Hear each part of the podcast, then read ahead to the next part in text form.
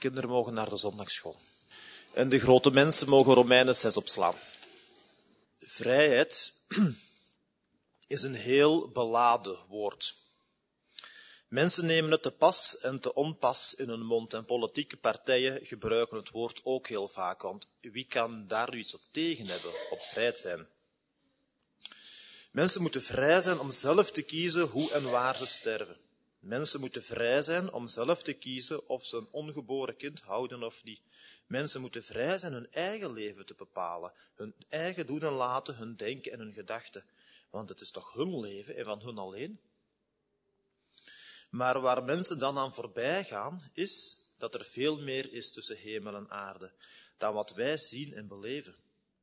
Er is een schepper die van zijn schepping houdt en die de kroon van zijn schepping, namelijk wij mensen, heel dicht bij zich wil hebben. Wij zijn gemaakt voor een intieme relatie met die schepper. Dat is hoe dat wij in elkaar zitten. Hoe kunnen we ons dan vrij noemen als we leven zonder die schepper? Hoe kunnen we ons dan vrij noemen als we niet doen waarvoor we gemaakt zijn? Dus om echt vrij te zijn, moeten we weten wat onze schepper bij ons bedoeld heeft. Onze schepper, de God van hemel en aarde, heeft zich geopenbaard door zijn woord, de Bijbel, en dus nemen we de Bijbel ter hand om eens te zien wat erin staat over vrijheid. En we lezen Romeinen 6, vers 16 tot 18. Dat is een gedeelte dat Mirjam ook juist gelezen heeft. Ik lees uit de herziende statenvertaling, daar klinkt het een beetje anders. Dus Romeinen 6 vanaf vers 16. Weet u niet dat aan wie u uzelf als slaaf ter beschikking stelt tot gehoorzaamheid, u slaaf bent van wie u gehoorzaamt, of van de zonde tot de dood, of van de gerechtigheid tot gerechtigheid. Maar God zij dank, u was wel slaaf van de zonde, maar nu bent u van harte gehoorzaam geworden aan het voorbeeld van de leer waaraan u overgegeven bent. En, vrijgemaakt van de zonde, bent u dienstbaar gemaakt aan de gerechtigheid. Vers 16 valt direct met de deur in huis als het om vrijheid gaat. Paulus schrijft hier dat vrijheid zoals wij daarover denken niet bestaat.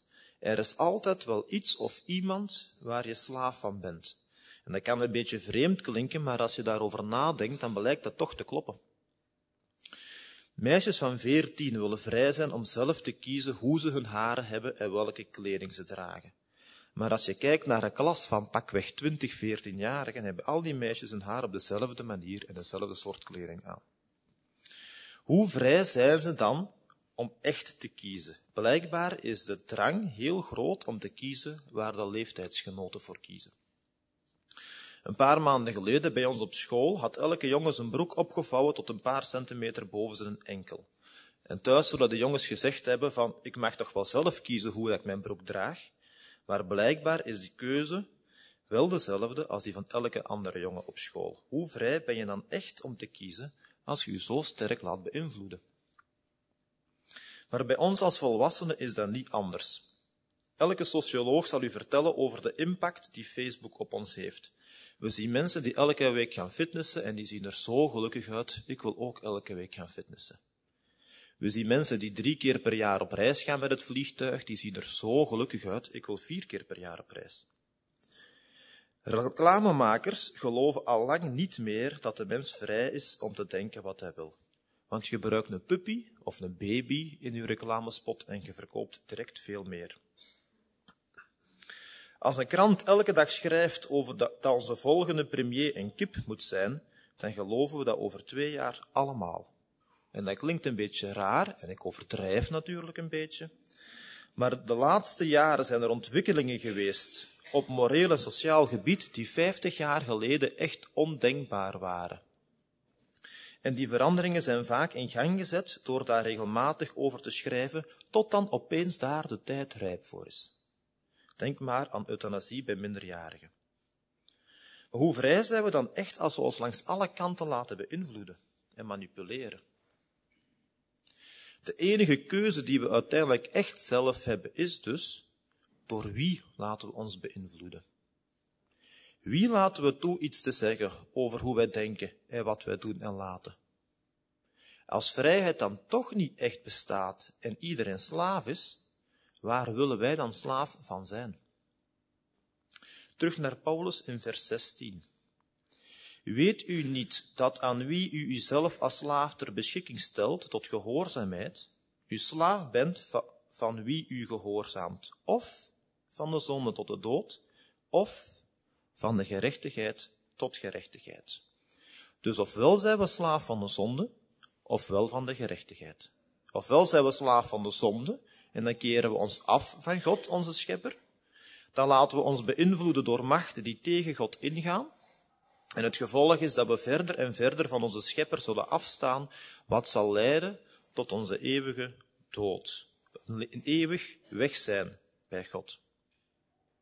Ofwel zijn we slaaf van de gerechtigheid, dan laten we ons beïnvloeden door het woord van God.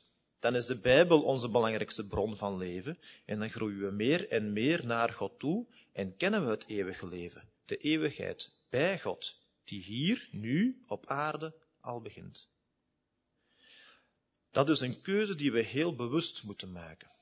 Want wie geen keuze maakt, wordt automatisch slaaf van de zonde. Het probleem is dat onze neiging altijd weg van God gericht is. Paulus schrijft, niet wat ik wil, doe ik, maar wat ik niet wil, dat doe ik. Dus we moeten vrijgemaakt worden van die neiging tot de zonde, om elke dag bewust ervoor te kiezen om de wil van God te doen. En dat brengt, bij ons, dat brengt ons bij het avondmaal. Jezus is gekruisigd om onze opgestapelde schuld te dragen. En hij is opgestaan om de macht van de zonde te breken, om ons vrij te kunnen maken. Maar dan vrij om ons van de zonde af te keren en voor onze schepper te kiezen. In vers 6 van hetzelfde hoofdstuk schrijft Paulus, dit weten wij toch, dat onze oude mens met hem gekruisigd is, opdat het lichaam van de zonde te niet gedaan zou worden en wij niet meer als slaaf de zonde zouden dienen.